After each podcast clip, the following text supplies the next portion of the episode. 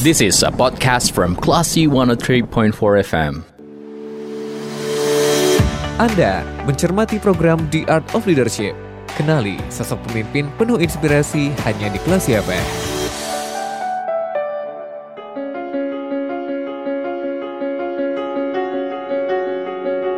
Dari Bumi Karang Putih Darung Padang, Monoter Pain for Kelas FM, this is the actual radio. Assalamualaikum Classy People, apa kabar? Semoga selalu dalam keadaan yang terbaik ya. Anda mencermati program The Art of Leadership bersama saya Lia Priyanka. Program ini sengaja kami hadirkan untuk Anda Classy People dengan maksud ada prinsip-prinsip, ada poin, ada inspirasi yang bisa didapatkan dari obrolan di program The Art of Leadership. Dan kali ini saya senang sekali bisa hadir ya, bisa ngobrol dengan Kepala Bapeda Sumatera Barat ada Bapak Medi Iswandi STMM. Assalamualaikum Pak Medi. Waalaikumsalam warahmatullahi wabarakatuh. Dan salam sehat buat kita semua. Gimana kabarnya Pak? Alhamdulillah baik, sehat dan memang sedang bersemangat. Ya betul dan semangat itu yang ingin kita uh, tularkan nanti ke pendengar Pak. Mudah-mudahan ada inspirasi, ada poin-poin yang bisa didapatkan oleh pendengar dari obrolan kita hari ini. Amin. Kita ada di program The Art of Leadership nih Pak Medi. Kami ingin menggali cara-cara atau gaya kepemimpinan yang Bapak anut. Karena orang bilang memimpin itu seni.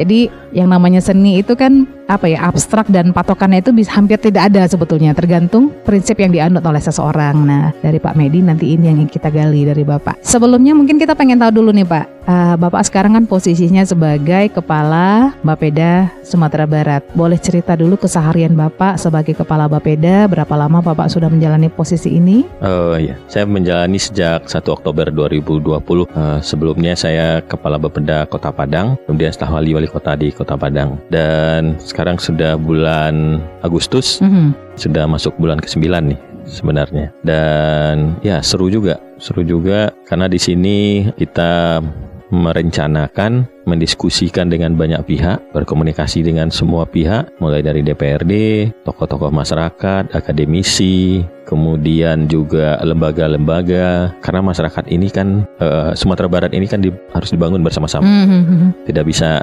hanya dipikirkan oleh satu oleh- atau dua orang, tapi harus kolaborasi semua pihak dan kami tentu di Bapeda punya tugas untuk mengkolaborasikan semua itu. Berarti belum genap setahun ya Pak ya? Belum, belum genap setahun. Ini kalau diibaratkan orang dapur, ini Bapak chefnya yang me- meracik bumbu yang kemudian dimasak oleh staff.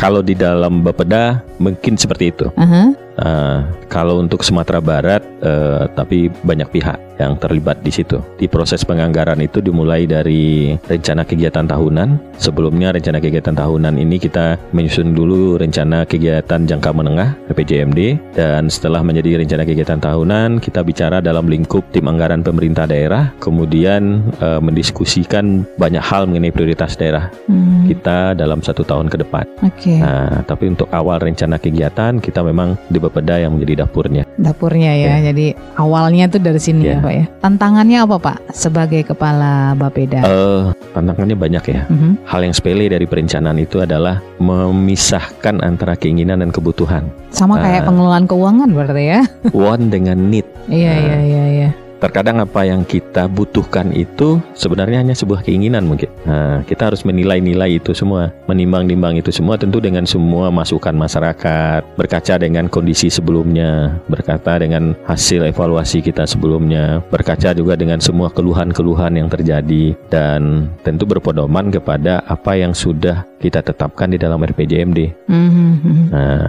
di situ kita menggunakan alat-alat kita untuk memisahkan oh ini hanya keinginan, ini hanya kebutuhan. Jadi empat kuadran penting mendesak, Iya. penting tidak mendesak, Betul. tidak penting mendesak itu betul-betul Betul. aplikasi. Iya, harus kita aplikasikan. Oke. Belum lagi nanti ketika semuanya di kuadran yang penting mendesak, Mhm. uangnya nggak cukup. Tantangan baru lagi. Kita bicara prioritas lagi. Iya iya Nah, iya.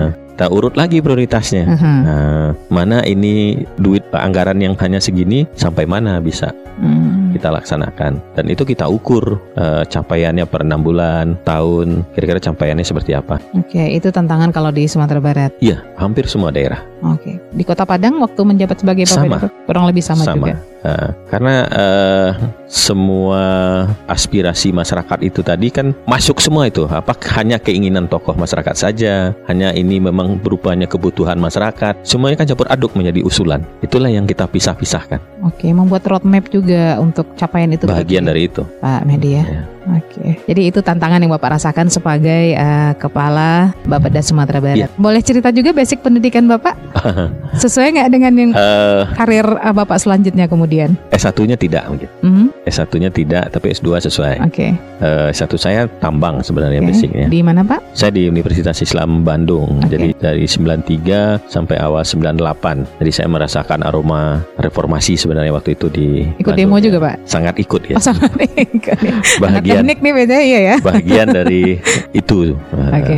Yang kemudian saya sekarang terlibat di birokrasi Oke. yang tentu eh, ada semangat yang sama ketika saya di 98 itu kenapa rezim lama itu dianggap salah dan itu nggak mudah rupanya kita juga nggak ingin terjebak dengan kondisi sekarang yang mungkin sebagian orang menganggap itu bukan tambah baik tapi tambah buruk Mhm. nah ini tentu karena saya hidup di dua kondisi itu Mhm. sekarang saya bagian dari pelaku birokrasi Mhm. tentu ada semangat bagi saya untuk menyatakan bahwa ini adalah upaya perbaikan yang kita cita-citakan dulu sebenarnya Hmm, masih linear dengan cita-cita di 98 dulu. Iya, ya, tapi kan tidak mudah juga karena sebagian orang kan juga terberangkap dengan kekuasaan yang dia miliki saat ini gitu. Iya betul. Nah, euforia kekuasaan yang Betul. dimiliki saat ini, belum lagi dengan semua aturan kan? Tarik menarik kepentingannya juga Iya. gitu ya Pak ya. Dari tambang menjadi birokrat, nggak Pak? Kenapa nggak memilih kerja di pertambangan aja Pak? Katanya gaji gede itu kalau di situ Betul. dibandingkan PNS. Saya maksudnya magang dulu gaji saya itu saya hanya menerima sekitar 25%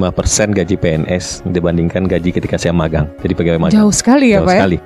Nggak nyesel Pak jadi PNS. Eh, awalnya iya, Oke. Eh, Awalnya iya, kemudian setelah saya menikmati bertemu dengan seorang atasan yang luar biasa Mhm, yang menurut saya dia mengorbankan semua kesenangan Pribadinya. pribadinya untuk mengejar idealis B-nya, membangun eh, tanah kelahirannya eh, menjadi motivasi bagi saya. Artinya Bapak beruntung bertemu dengan orang Seseorang yang yang- tepat, yang tepat. sosok yang Iya. tepat untuk Itu saya- membangun pribadi Bapak dan karir Bapak. Saya syukuri Oh, oke. Karena saya selalu menganggap PNS itu ketika masuk birokrat awal jadi PNS dia kertas putih. Mhm. Kalau dia bertemu dengan orang yang salah, nah, dia pasti akan bermasalah. Sel- Selanjutnya. Selanjutnya, Oke. misalnya dia diajarkan untuk hal-hal yang tidak benar. Oke. Dia tidak pernah melakukan perjalanan dinas, atasannya, tapi dia suruh mengetikkan kwitansinya misalnya. Oke. Dia suruh membeli barang harganya A, dibayar harus B. Oke, up. Kalau ketemu atasan seperti itu, Mhm. kemudian kita disuruh mengerjakan, kan waktu itu kita kan nggak tahu tuh. Nah, kalau baru-baru jadi PNS, ketika kita beranjak mendapat jabatan, sama kayak bayi lah. Mhm. Nah, karakter kita jadi terbentuk seperti itu. Oke.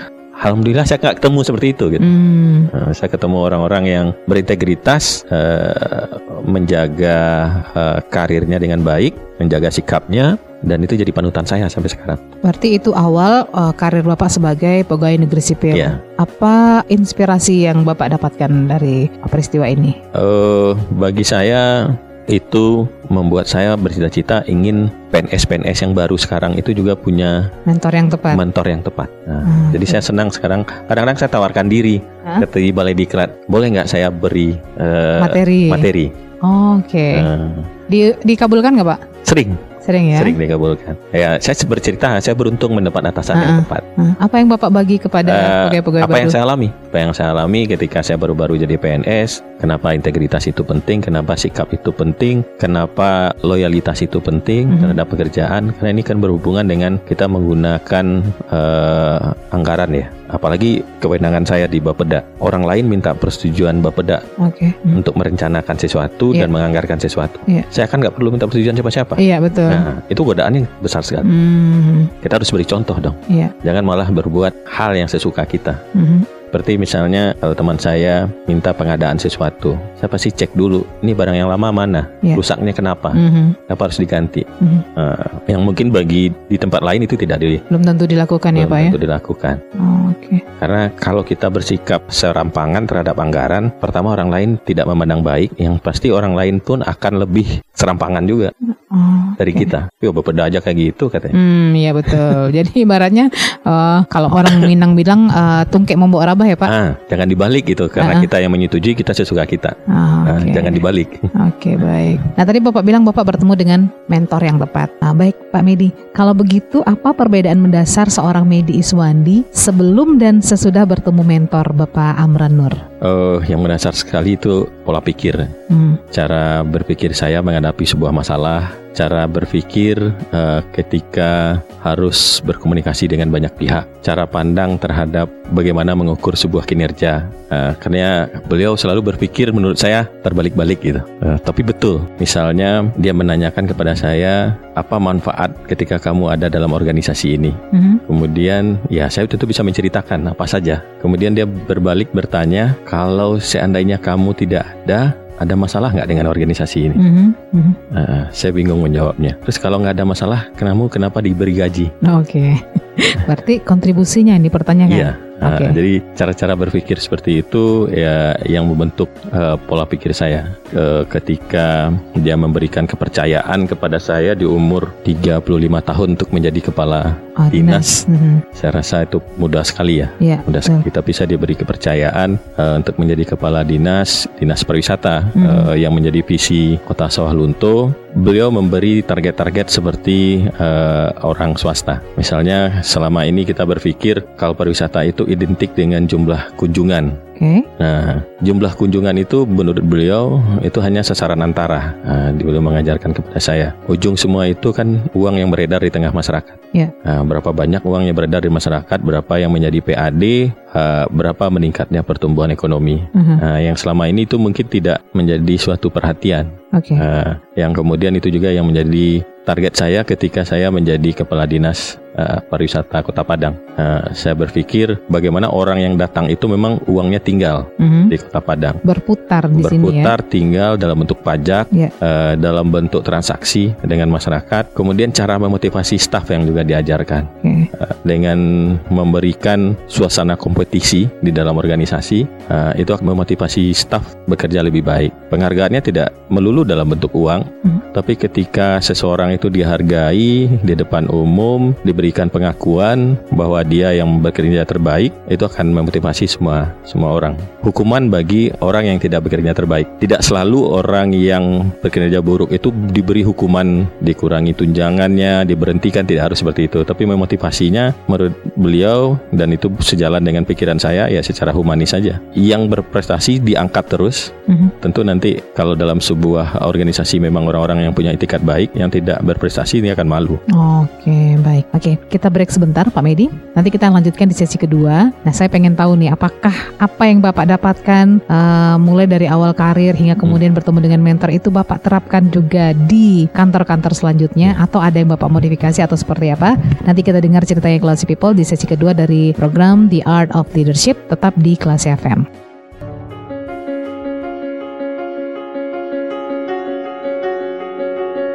103,4 kelas FM, this is the actual radio kelas people. Di sesi kedua program The Art of Leadership ya. Masih bersama saya Lia dan juga Kepala Bapeda Sumatera Barat ada Bapak Medi Eswandi STMM.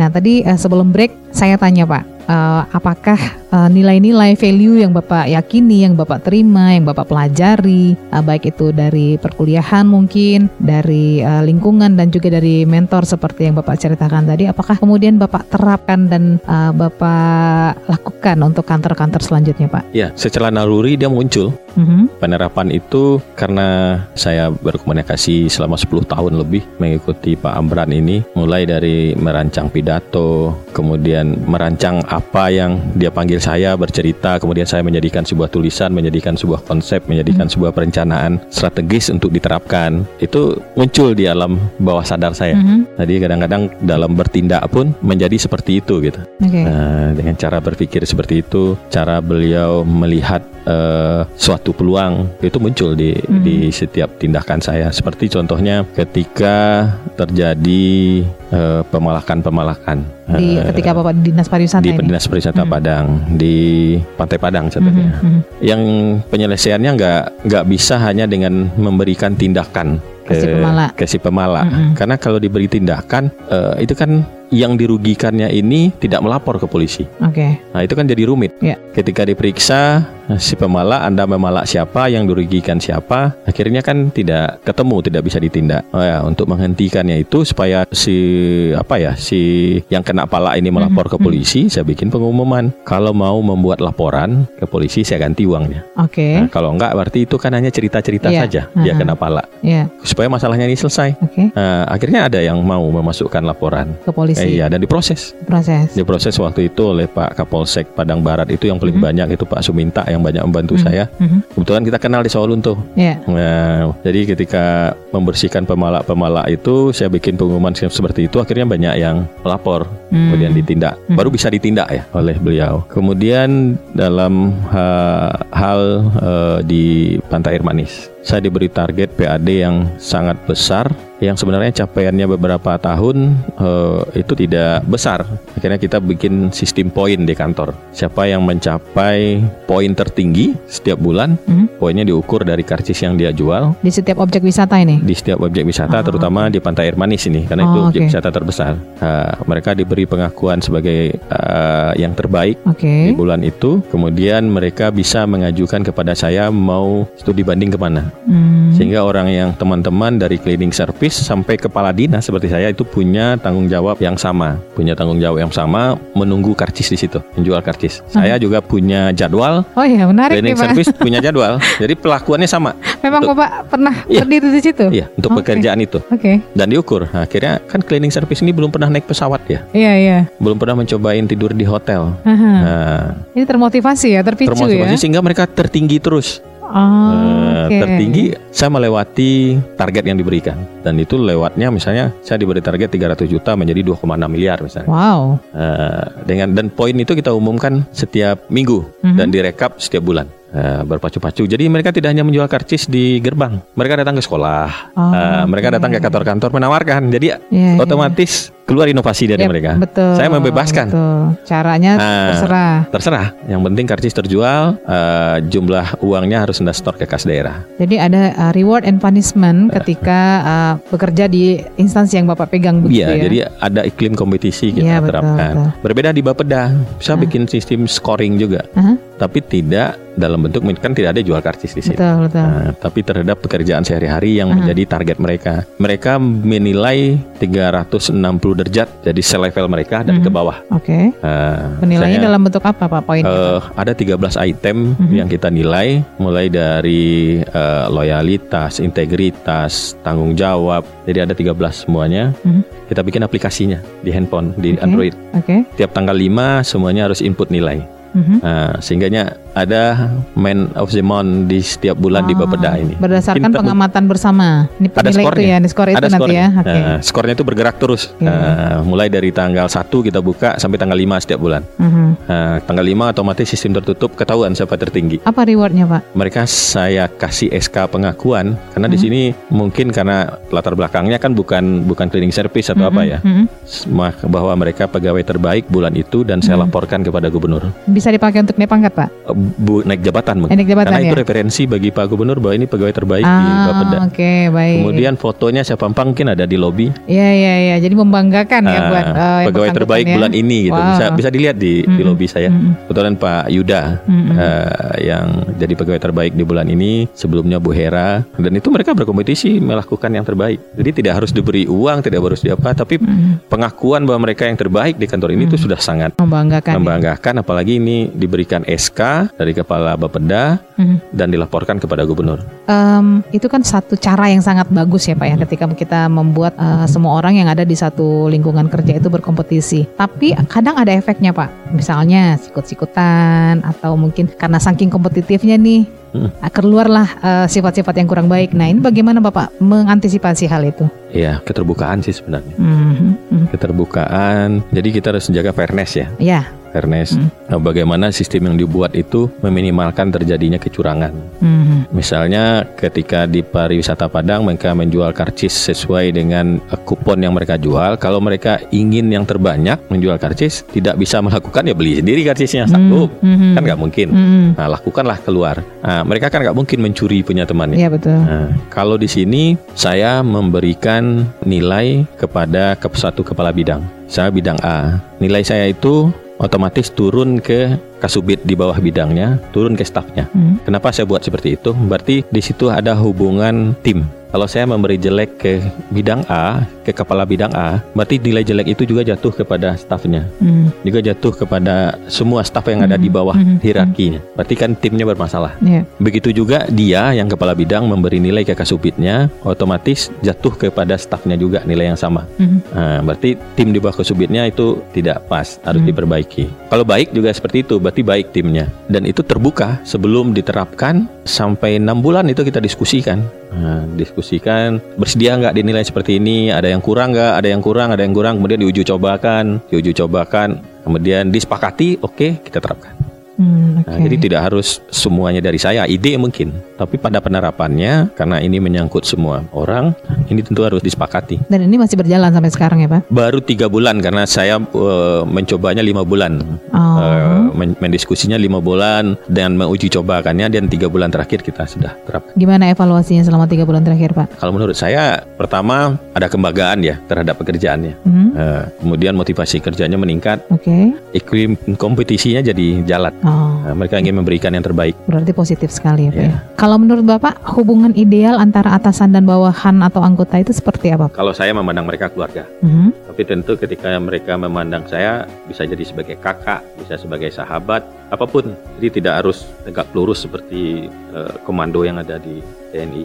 Hmm, Tidak kaku maksudnya begitu Pak? Iya, karena kita kan punya waktu satu hari itu 24 jam. Saya bekerja dari setengah delapan sampai terkadang itu paling cepat pulangnya jam 8 malam, Mhm. jam 9 malam. 12 atau 13 jam saya habiskan waktu bersama mereka. Jadi itu kan melebihi keluarga sebenarnya. Iya betul. Jadi mereka harus saya pandang juga bagian dari keluarga saya. Kalau mereka ada masalah, mereka bisa curhat. Mereka punya keinginan-keinginan, mimpi-mimpi eh, tentang karirnya, mereka curhat juga ke saya. Yang kalau kinerjanya baik, saya harus bukakan pintu. Baik Pak, kalau begitu menurut Bapak poin apa yang harus dimiliki oleh seseorang agar dia memiliki kesuksesan dalam hidupnya? Pertama dia harus tahu visinya mau ke mana. Mhm. Visi itu bukan ambisi ya, tapi tujuan hidupnya itu seperti apa? Apakah dia mau menjadikan jabatan ini jalan untuk dia bermanfaat buat orang lain, atau jabatan ini hanya tujuan? Bagi saya, visi saya, saya ingin punya manfaat buat orang lain. Jabatan ini amanah ah, sebagai alat bagi saya. Mhm. Eh, saya ingin misalnya pertanian kondisinya lebih baik karena 24% ekonomi Sumatera Barat ini ditopang oleh sektor pertanian. Kemudian saya ingin kita punya potensi yang pariwisata yang, yang cukup besar, ini juga punya eh, manfaat yang besar terhadap masyarakat. Mhm. Jadi saya tidak berpikir hanya memperoleh apa ya mencari investasi-investasi besar tapi juga mengarahkan teman-teman di pariwisata bagaimana membina kelompok-kelompok masyarakat di destinasi Mhm. Sehingga mereka lah yang langsung mendapatkan manfaat Mhm. Eh, bukan mereka menjual tanah kepada orang lain kemudian orang membangun destinasi mereka jadi penonton Iya, iya, nah, akhirnya ketika mereka nggak dapat apa-apa mereka mengganggu lagi betul. Nah, kenapa mereka tidak diberdayakan? Jadi ketika saya kadis pariwisata, saya fokus ke situ. Ini saya di perencanaan, ah, saya mengarahkan anggaran-anggaran dinas itu lebih banyak ke pemberdayaan masyarakat. Oke, jadi harus punya visi satu. Berikutnya apa Pak? Yang kedua adalah kalau saya di dalam organisasi, unsur organisasi itu saya anggap bagian dari keluarga saya. Mhm. Ah, harus ada rasa saling menghargai itu harus ada, atasan bawahan harus ada. Tapi yang paling penting itu adalah saling memperhatikan, tidak ego sendiri-sendiri menyelesaikan pekerjaannya tanpa memikirkan bahwa teman yang lain juga butuh dibantu atau hanya mementingkan jabatannya sendiri. Kita menganggap ini tim, kita menganggap tim itu adalah keluarga. Jadi satu senang, satu sakit, satu gembira ya semua gembira. Ketika sebuah tim tidak berjalan dengan baik, apa yang Ah, kita koreksi salah, masalahnya salah apa. Pak? Hmm, apa yang kira-kira salah? Diagnosa nih, ini ada masalah nggak? Oke. apakah masalahnya di saya? Jadi di akhir tahun, setiap akhir tahun, saya lupa tadi cerita. Saya minta mereka menulis apa pun mengenai saya, baik, buruk, tanpa nama. Tulis komputer. Oke. Enggak, saya nggak tahu ini dari siapa. Iya. Itu saya baca. Itu selalu saya lakukan di akhir tahun, sejak dari pariwisata Solunto, Bapeda Padang, sampai sekarang. Idenya dari mana waktu itu sampai Bapak kepikiran untuk Saya buat nggak tahu aja, karena saya merasa saya nggak bisa lihat punggung saya sendiri. itu? Oke. mhm. Nah, yang bisa, saya kira saya mungkin sudah berbuat baik, tapi menurut orang belum. Jujur nggak Pak? Kira-kira surat yang dikirim ke Bapak waktu itu? Macam-macam. Macam-macam isinya. macam Eh, misalnya saya terlampau kaku, saya kurang senyum, Oh, sampai hal-hal yang oke. kayak gitu. saya tidak tidak memperhatikan dia. Jadi kadang kita harus cari ini kira-kira siapa ya, Ah, siapa ya. oke. Dan itu koreksi untuk Iya, kita memperbaiki iya. diri setiap tiap tahun. Karena kadang anggota itu sungkan mungkin beritahu secara langsung Jangan ya beri Pak ya? Jadi saya nggak tahu ini tuh punya siapa. Mm-mm. Malah ketika saya hitung, kita ada 88, ini kok baru 70 ya. Hmm. Nah, tolong titip kirim misalnya taruh aja di kita ada kotak gitu ya, taruh aja di situ. Saya sebutnya itu surat cinta saya, surat cinta mereka buat saya. Nah, Oke, mungkin setelah bisa, itu, Pak? bisa ditanya ke teman-teman di sini. Dan itu masih berjalan sampai sekarang. Eh, di Bapeda ini karena saya baru, kita baru Ah. terapkan di 31 Desember ah. dan 31 Desember nanti. Oh, Oke. Jadi ketika tutup tahun dia bikin istilahnya surat cinta buat saya, Artinya itu semacam evaluasi untuk buat saya uh, sendiri. Bapak ya. Nah, Kira-kira apa yang sudah uh, yang dilakukan sudah baik, plusnya, yang eh, minusnya yang apa yang ya? men- masih menimbulkan keluhan ya tentu saya perbaiki. Mimpi mereka ke depan pun untuk banyak yang punya ide bagus di sini. Mhm, Yang mereka mungkin tidak enak menyampaikannya di depan umum karena tidak terbiasa. mhm, Nah, mereka lebih senang menulis. Itu sering saya pakai juga. hmm. Nah, dari tulisan-tulisan itu. Ya, ya, ya. Uh, sebaliknya Pak, apa kira-kira uh, yang menyebabkan seseorang gagal ketika dia mencapai tujuannya? Pertama dia nggak punya visi ya. Hmm. Ini mau dibawa ke mana gitu. Sebagai pemimpin dia nggak tahu arah arah mana yang akan dia tuju. Keinginannya sendiri nggak tahu gitu. Nah, sehingga ketika dia memberikan arahan kepada staff, ya staffnya juga bingung. Ini maksudnya apa gitu. Mhm, Arah kita itu, keinginan kita itu, visi kita itu yang harus kita sampaikan. Kemudian kita guiden staff kita untuk mencapai itu. Nah, kalau mereka kesulitan ya kita pandu, kita bantu. Kita harus turun, kita harus bicara, harus kontrol juga. Misalnya saya jarang duduk di sini. Biasanya saya nongkrong di mana yang kinerjanya menurut saya agak kurang. mhm, Nah, saya tongkrongin, saya duduk di bidangnya. mhm. Saya perhatikan pasti dia merasa kita memperhatikannya. Nah, terkadang ya mohon maaf kita ajak keluar ngobrol kalau ada masalah. Mhm, Misalnya dia masalah beberapa hari ini nggak masuk. mhm. Nah, saya nggak mungkin menegurnya di depan umum. Oh, tapi rupanya anaknya Sakit. sakit. Hmm. Nah, jadi pendekatan humanisme ini juga penting. Terkadang kalau terlampau kaku, Mhm. hubungan atasan bawahan ini, ini malah buntu komunikasinya. Nah, saya lebih berprinsip pendekatannya itu harus eh, kekeluargaan. Karena itu tadi 24 jam, 60% waktu kita bersama teman-teman di sini. Dan saya jarang bilang kepada mereka di rapat ya. Ini satu Hmm. kata kunci. Saya selalu bilang rekan kerja. Oh, Oke. Mereka bukan staf saya. Karena ini bukan perusahaan. Saya bilang ke mereka gitu. Kita sama-sama digaji. Mhm, Nah, cuman yang membedakannya, saya mungkin karena lebih dianggap yang yang senior untuk mengepalai kantor ini, Anda rekan kerja saya, hmm. bukan staf saya. Itu kecil tapi bermakna ya Pak ya? Ya. Tindakan Karena saya juga ya? digitukan dulu oleh Mhm, mentor saya gitu. hmm, mhm. Malah mentor saya itu eh, itu yang agak sulit ya saya menerapkan, belum saya lakukan sih. Tapi saya rasa itu sangat mengena gitu. Ketika harus lembur, Mhm. dia punya nomor WA, nomor SMS yang kalau nggak suami atau nggak nggak istrinya Untuk memberitahu. memberitahu saya, saya izin ya eh, suaminya lembur bersama saya di Wah, kantor. luar biasa juga sampai Itu di- segitunya Pak ya? dilakukan oleh Pak Zuirin kepada saya, kepada Oh. teman-teman yang lain. Sehingga si suami itu istrinya tenang di rumah. Iya betul. Jangan sampai ada konflik juga nih stafnya Iya, di iya. keluarganya Nah, nanti gitu ya. Jadi pas pulang pun istri atau suaminya nggak cemberut kan kan dia tahu nih atasannya bikin WA. Iya iya iya. Yang ini poin ini yang belum Iya. uh, belum Bapak terapkan berarti. Ada alasannya Pak kenapa belum diterapkan Pak? Karena kesibukan kali. Oh, oke, Eh, tapi ada oke. beberapa ada di beberapa orang. Kadang saya japri Aha. eh, istri atau suaminya. Tapi belum semua. Kalau dulu di Bapeda Soal Unto itu seperti itu. Pak Hmm. Zuirin memperlakukan kami. Karena sebagian besar banyak yang tinggal di Padang. Oh begitu. Jadi kalau udah lembur nggak pulang. Ya ya ya ya. Eh, lembur Sabtu Minggu misalnya, Iya, nggak iya. pulang. Artinya tidak bertemu dengan keluarga dalam Keluarga. minggu itu ya. Beliau kirim SMS. Kita break kembali Pak Medi Ini menarik sekali ya obrolan dengan Pak Medi Classy People Nanti kami akan balik lagi di sesi terakhir Dalam program The Art of Leadership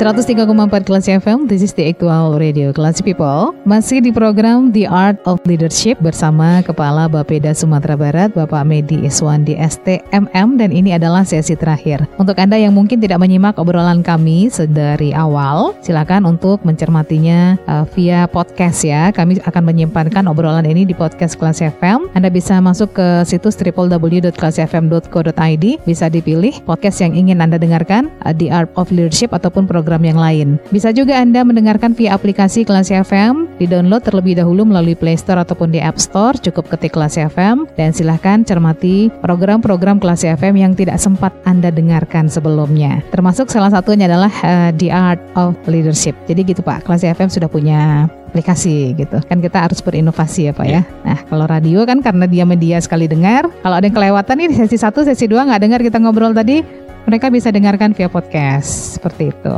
Oke, Pak, saya jadi penasaran nih, pernah nggak Bapak merasa berada di titik terendah dalam hidup Bapak? Eh, pernah. Kapan itu Pak? Bahkan saya juga pernah merasa seperti tidak berguna gitu. Mhm. Nah, seperti tidak ada berman- bermanfaat. Ya, terkadang ketika kita ingin bermaksud baik, tujuannya seperti ini, tidak semua orang memahami itu menjadi sebuah kebaikan. Misalnya saya ingin melakukan efisiensi-efisiensi gitu kan. Mhm. Nah, supaya ini bisa prinsip rencana itu adalah menggunakan nilai sen terakhir untuk mencapai indikator kinerja yang sudah uh, ditetapkan. Oke. Jadi kalau misalnya di dalam merencanakan itu pada saat pelaksanaannya tidak dapat terlaksana atau terjadi kelebihan uang yang besar, itu merencanakannya nggak baik. Kenapa sisa uang yang besar ini pada saat perencanaan sudah harus kita prediksi? Mhm. Dihitung harusnya ya. Iya, dan kita bisa alokasikan ke target yang lain. Yep. Kenapa dia jadi sisa di situ? Mhm, gitu? mhm. Artinya ada yang tidak bekerja dengan benar. Nah, terkadang itu menimbulkan frustasi, gitu. Hmm, Frustasi, karena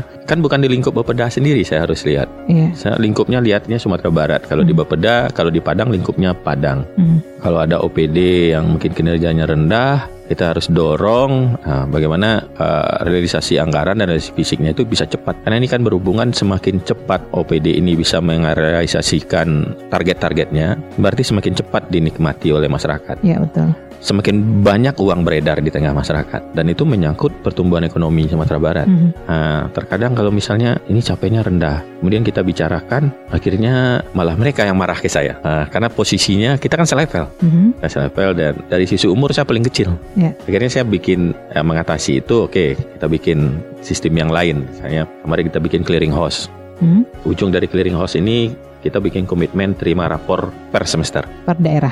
per OPD, Per perangkat OPD. daerah. Oke. Perangkat daerah. Hari ini Pak Gub bagiin rapor satu semester kita nih sore nanti jam 4. Oke. Nah, Nah. itu nanti eh, Dia udah bikin target impactnya apa? Gimana setelah kita melihat rapor itu? sama dengan sistem poin yang tadi. Oh, Oke. Ada yang nilainya sangat baik, ada nilainya yang baik, ada nilai yang cukup, ada nilai yang kurang. Sebelum melakukan itu saya paparkan di depan Pak Gubernur, di depan di depan semua kepala OPD. Ada kriteria-kriteria di situ.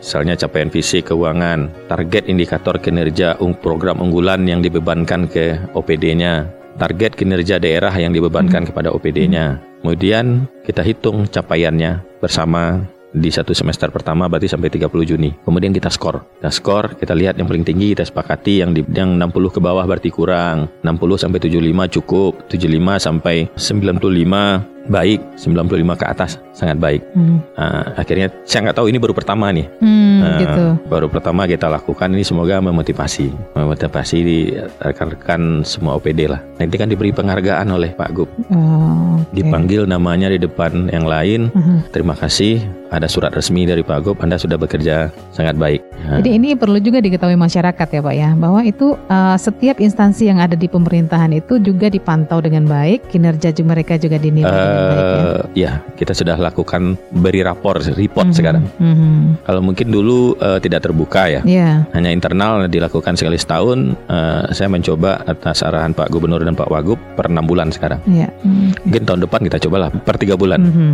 Percau gitu ya. terjauh. Ketika Bapak berada di titik terendah seperti Bapak bilang tadi ada rasa frustasi di situ, rasa mungkin ketidakberdayaan pada sudah memberikan yang terbaik. Biasanya apa yang Bapak lakukan untuk eh, meng-up Eh. kembali motivasi itu?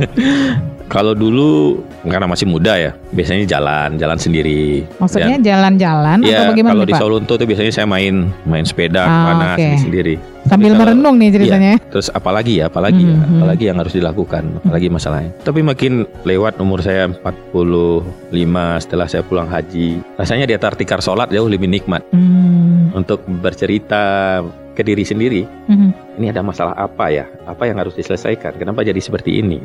Dan kadang-kadang kita menemukan jawabannya di situ gitu. Untuk melakukan perbaikan apa? Dan itu saya setelah saya pulang haji, kehidupan saya memang sedikit lebih banyak ke hal-hal yang berhubungan dengan agama. Karena kalau dibilang kayaknya Allah tuh sayang sekali ke saya. Mhm. Banyak hal yang bermimpi pun saya nggak pernah tapi diberi. Nah, saya dulu tuh nakal sekali SMA. Really? Nakal. loh Pak. Nah, yang saya lakukan mungkin bukan apa ya? hanya tindak- ya Pak, tindakan, ya? tindakan asusila aja yang mungkin tidak saya lakukan. Maksudnya Saking- kayak saking nakalnya. kayak cabut, kayak Wah, i- nggak- itu bukan bukan nggak bikin saya menganggap itu bukan kenakalan. Oh itu bukan nakal. Bukan kenakalan. Jadi nakal yang mana yang bapak maksud ini? Malu saya menceritakan. Sangat memalukan lah Oke. kenakalan. Eh, karena sudah mengganggu gitu. Oke. Kemudian saya berumah tangga ya masih masih belum inilah. Terakhir itu 2007. Nah, itu titik balik kayaknya dari hidup saya. Mhm. Saya Apa yang dapat hadiah umroh. Dari? Dari saya membangun rumah, uang saya nggak cukup. Mhm. Saya belum berpikir ini riba, ini tidak riba. Saya Oke. meminjam ke suatu bank. Oke. Ah, saya meminjam ke bank syariah bukan karena berpikir ini riba atau tidak riba saat itu. Mhm. Hanya karena prosesnya gampang. Oke. Ah, Yang mana yang gampang cair aja iya, waktu itu? yang cepat karena mau menyelesaikan rumah 2007 Sudah Januari. bekerja ya Pak waktu itu ya? Sudah saya jadi PNS 99 saya PNS. Ketika saya meminjam nggak banyak 60 juta. Mhm. Eh, saya taruh lagi ke bank itu, saya ambilnya dari ATM ketika saya butuh. Eh, uang itu habisnya di bulan Mei. Mhm. Bulan Mei itu saya ditelepon oleh petugas bank. Bank itu bukan ada di Sawalunto, Mhm. bank itu adanya di Bukit Tinggi cabangnya. Saya dapat hadiah umroh. Nah, Oke. Saya nggak percaya. Ya, saya pinjam bank. Memang saya taruh lagi di situ, Mhm. tapi nilainya kecil gitu. Mhm. Gak mungkin lah saya dapat hadiah umroh. Saya biarkan. Sampai orangnya datang ke ke kantor saya. Pihak. Benar bapak dapat ini bukan penipuan. Mhm. Waktu itu saya masih nakal-nakal. Saya tanya ke ayah, mendiang ayah saya, Pak, dapat hadiah umroh. Terus saya saya bilang, yakin itu hadiah? Ya dia ini katanya. Mhm. Nggak bohong ini orang sudah datang. Ya Aha. maksudnya itu yakin berupa hadiah. Yang Allah kasih berupa hadiah Iya. gitu maksudnya ya? Saya bilang apa sih maksud orang tua saya Oke. ini? Saya mau jual ini karena saya nggak ada duit juga nih. Sudah sudah habis-habisan bangun rumah. Itu bukan hadiah. Itu mungkin cara Allah minta kamu tuh tobat. Kalau nggak mungkin terjadi sesuatu yang lebih besar terhadap hidup kamu kata orang tua saya. Wah saya tak Terdiam. merinding saya. Saya terdiam. Ini bukan hadiah sebenarnya ini. Bener nih kata mendiang ayah saya. Akhirnya kita malah nambah hutang lagi untuk pergi umroh berdua dengan istri saya 2007 Mhm. selama saya umroh itu hal-hal yang sulit mudah gitu. Saya entah kenapa bisa setiap subuh di raudah yang setiap orang susah ya. Mhm. Orang susah nyium Hajarul Aswad, saya kok mudah gitu. Kok Tuhan ini sayang sekali gitu ya ke saya. Kenapa saya ini nakal gitu. Nah, pulang dari situ istri saya bilang ke saya, kita harus haji. Mana uangnya? Uang nggak ada. Jual semua yang ada di rumah. Betul, jual Pak, perhiasan Pak. dia, jual kendaraan yang kita punya hanya untuk bolak-balik ke Padang saat itu. Kita jual semua daftar haji. Seriusan Pak? Serius. Tapi itulah setelah saya apa ada aja rezeki. Akhirnya saya dapat naik jabatan eselon 3, saya diberi mobil dinas pengganti mobil yang saya jual. Akhirnya Masya kita bisa Allah. bolak-balik lagi. Jadi saya pikir ya Allah itu maha baik ya. Eh, selalu bantu bantu kita dalam keadaan susah. Mhm. Dan saya sangat percaya takdir itu dirubah dengan doa. Oke. Sehingga saya cari bukunya rupanya ada bukunya. Oke. Nah, kalau kita berdoa yang sebenarnya itu takdirnya seperti itu, yang kita akan rasanya kan ya. Mhm. Nah, tapi bisa jadi karena doa kita Allah merubahnya. Nah, dan itu membuat saya lebih religius setelah setelah uh, pulang haji. Titik balik yang Bapak sebut tadi ya? Iya, saya rasa Allah itu maha baik deh sama saya. Tapi kenapa saya nakal terus ya? Oke. Pak ini pernah Bapak ceritakan ke putra putri Bapak nggak? Ah, iya, saya cerita ke putra saya yang saya alami semasa kuliah, yang saya alami. Jadi lebih banyak ketika saya bercerita itu saya lihat karakter putra saya dia dia termotivasi. Oke. dia lebih lebih mandiri. Nah, cuman saya bilang ke dia, saya suruh dia ngambil uang pakai ATM saya nih ATM papa, Mhm. ambilin uang. Sebenarnya saya hanya bilang ingin menunjukkan saja berapa sih uang yang ada di tabungan saya. Mhm. Terus saya bilang, dia bilang ke saya, "Wah, kok tabungannya cuma segini?" Ah, itu udah setingkat kepala Bapeda, Mhm. cuman segini gitu. Jadi jangan mimpi jadi PNS. Harus jadi entrepreneur gitu. Jadi dia nggak punya cita-cita jadi PNS, nggak mau dia. Nggak ada PNS yang kaya Iya iya. fasilitasnya ya seperti ini ya tapi kalau kehidupan mana bisa kita beli Fortuner karena memang nggak bisa kita beli Land Cruiser uangnya dari mana ya, paling juga beli Brio itu pun juga kredit paling ya. akhirnya anak saya termotivasi dia cita-citanya dia menjadi entrepreneur dia semester 7 sekarang sudah mulai belajar berdagang belajar ya saya lepaskan aja Yang satu lagi Pak? Yang lagi? perempuan Hmm. yang perempuan dia lebih ke arah IT sebenarnya Oh, Oke. Ya, anak saya cuma dua orang Mhm. Alhamdulillah sekarang yang perempuan baru masuk kuliah nih Yang si kakaknya sedang KKN Saya jadi penasaran sosok Bapak waktu kecil seperti apa Pak? Nakal. Boleh cerita? Nakal. Nakal Cita-citanya waktu itu apa Pak? Sudah sejalankah dengan eh, pencapaian saat ini atau jauh? Ini yang nggak pernah saya mimpi Maksudnya posisinya atau pekerjaannya atau apa nih yang Bapak nggak pernah Posisi. mimpi? Posisi. Karena saya tinggal di depan rumah Pak Nurmawan Pak Nomo Remawan ini Bupati Solo di tahun 90-an Mhm. yang kemudian jadi kepala Bapeda Provinsi. Oh. Nah, saya waktu itu kuliah mengagumi beliau, bupati, jadi kepala Bapeda. Saya tinggal dekat rumah beliau, Mhm. orang tua saya. Hebat sekali gitu. Sehingga saya pikir nggak mungkin lah tuh mimpi apa. Kemudian saya jadi staf Bapeda jauh di ujung negeri di Sawalunto. Nggak pernah berpikir sampai ke sini. Sampai ke Sumatera Sumatera Barat, nih Nggak ya. pernah gitu. Tapi itu tadi, kan Tuhan selalu membukakan jalan. Mhm. Saya nggak tahu kenapa saya yang dipilih oleh Pak Mahyildi ketika ya. jadi kadis pariwisata Padang sehingga saya bisa berbuat untuk Pantai Padang. Saya kan nggak tahu jalan Allahnya seperti itu. Gitu. Kan bisa saja beliau memilih orang lain atau orang yang mungkin beliau kenal. Nah, tapi kenapa beliau memilih saya kan nggak tahu sayanya. Allah mungkin yang menggerakkan hati beliau ya, saya nggak tahu. Memimpin itu katanya cobaan, Pak. Bener nggak, Pak? Kalau bagi sebagian orang, kalau menganggap memimpin itu jabatan itu adalah sebuah alat, Hmm. itu adalah cobaan. Karena alat yang dia gunakan untuk mencapai tujuannya memberikan manfaat ke orang lain. Tapi kalau dia jadikan tujuan kenikmatan yang dia dapat, tapi dia habis hanya sampai di tahap itu, Ujung pencapaian berarti ujung ya. pencapaian. Mhm. Dia hanya merasa senang jadi kadis pariwisata Ya sudah eh, puas gitu ya. sudah puas dikasih mobil dinas, dikasih ajudan, dikasih ruangan. Ketika dia puas dia nggak akan berbuat apa-apa lagi. Oh, Selesai sudah gitu. Sampai di situ. jadi bumerang mentok juga dia. berarti. Tapi kalau dianggap ini adalah alat untuk memberikan manfaat ke orang lain, kita akan selalu mengerjakan yang terbaik. Hmm, Oke. Apa target Bapak yang belum tercapai? Baik itu pribadi ataupun mungkin untuk eh, daerah Sumatera Barat. Banyak sebagian orang bilang sesudah gempa kita tidak pernah lagi mencoba pertumbuhan ekonomi itu di atas 6%. Mhm. Nah, sekarang dihantam Covid lagi. Ya. Terakhir setelah Covid ini di 2021 kita hanya capai ke 3,24. Itu mimpi besar ya bagi saya sebagai kepala Bapeda bagaimana menggaiden semua perencanaan ini menuju ke titik melebihi pertumbuhan ekonomi 6%. Ada tenggat waktu yang Bapak berikan? Berarti tentu sampai 2024 kalau saya Hmm. masih diamanahi jabatan ini. Kemudian bagi saya secara pribadi eh, target saya sebagai kepala keluarga ya tentu mimpi saya nggak muluk-muluk deh. Mhm. Saya meninggalkan anak-anak saya bisa berdiri di kakinya sendiri sehingga ketika saya tua saya nggak harus memikirkan mereka lagi. Mereka tinggal mikirin saya. Oke.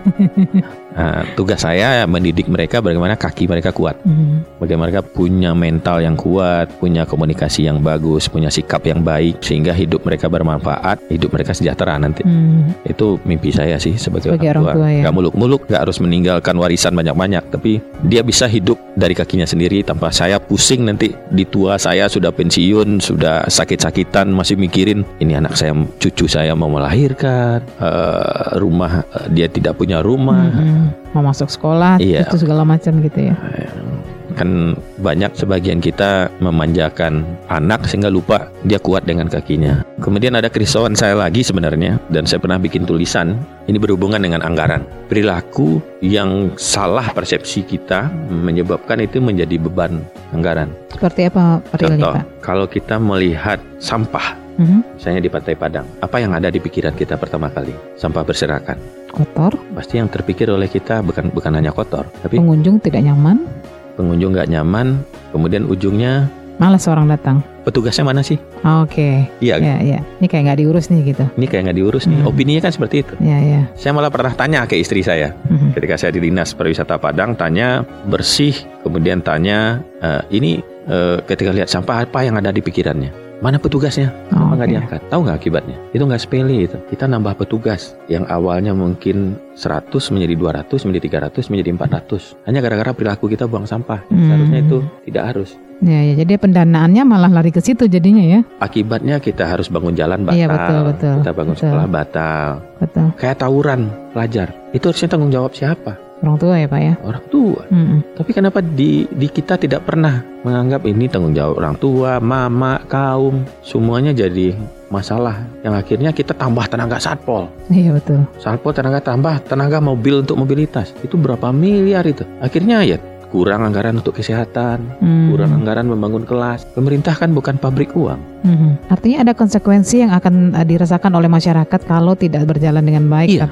itu ya. Karena perilaku itu. Mhm. Saya karena empat tahun berhubungan dengan PKL di Pantai Padang menertibkan sampai pada satu titik mereka nggak salah. Siapa yang salah? Yang beli yang salah. Kalau tidak ada pembeli mereka bubar dengan sendirinya ya. mereka. Sepanjang masih ada yang beli di tempat yang dilarang, di tempat yang seharusnya di situ tidak ada PKL, PKL tuh akan mempertahankan dengan segala cara tempat dagangannya. Tapi kalau nggak ada yang beli, Ya bubar. bubar. Ini balik lagi ke ke perilaku kita. Ah, Oke. Tapi yang sependapat dengan saya baru Pak Miko Kamal Oke. tentang tentang hal-hal seperti itu.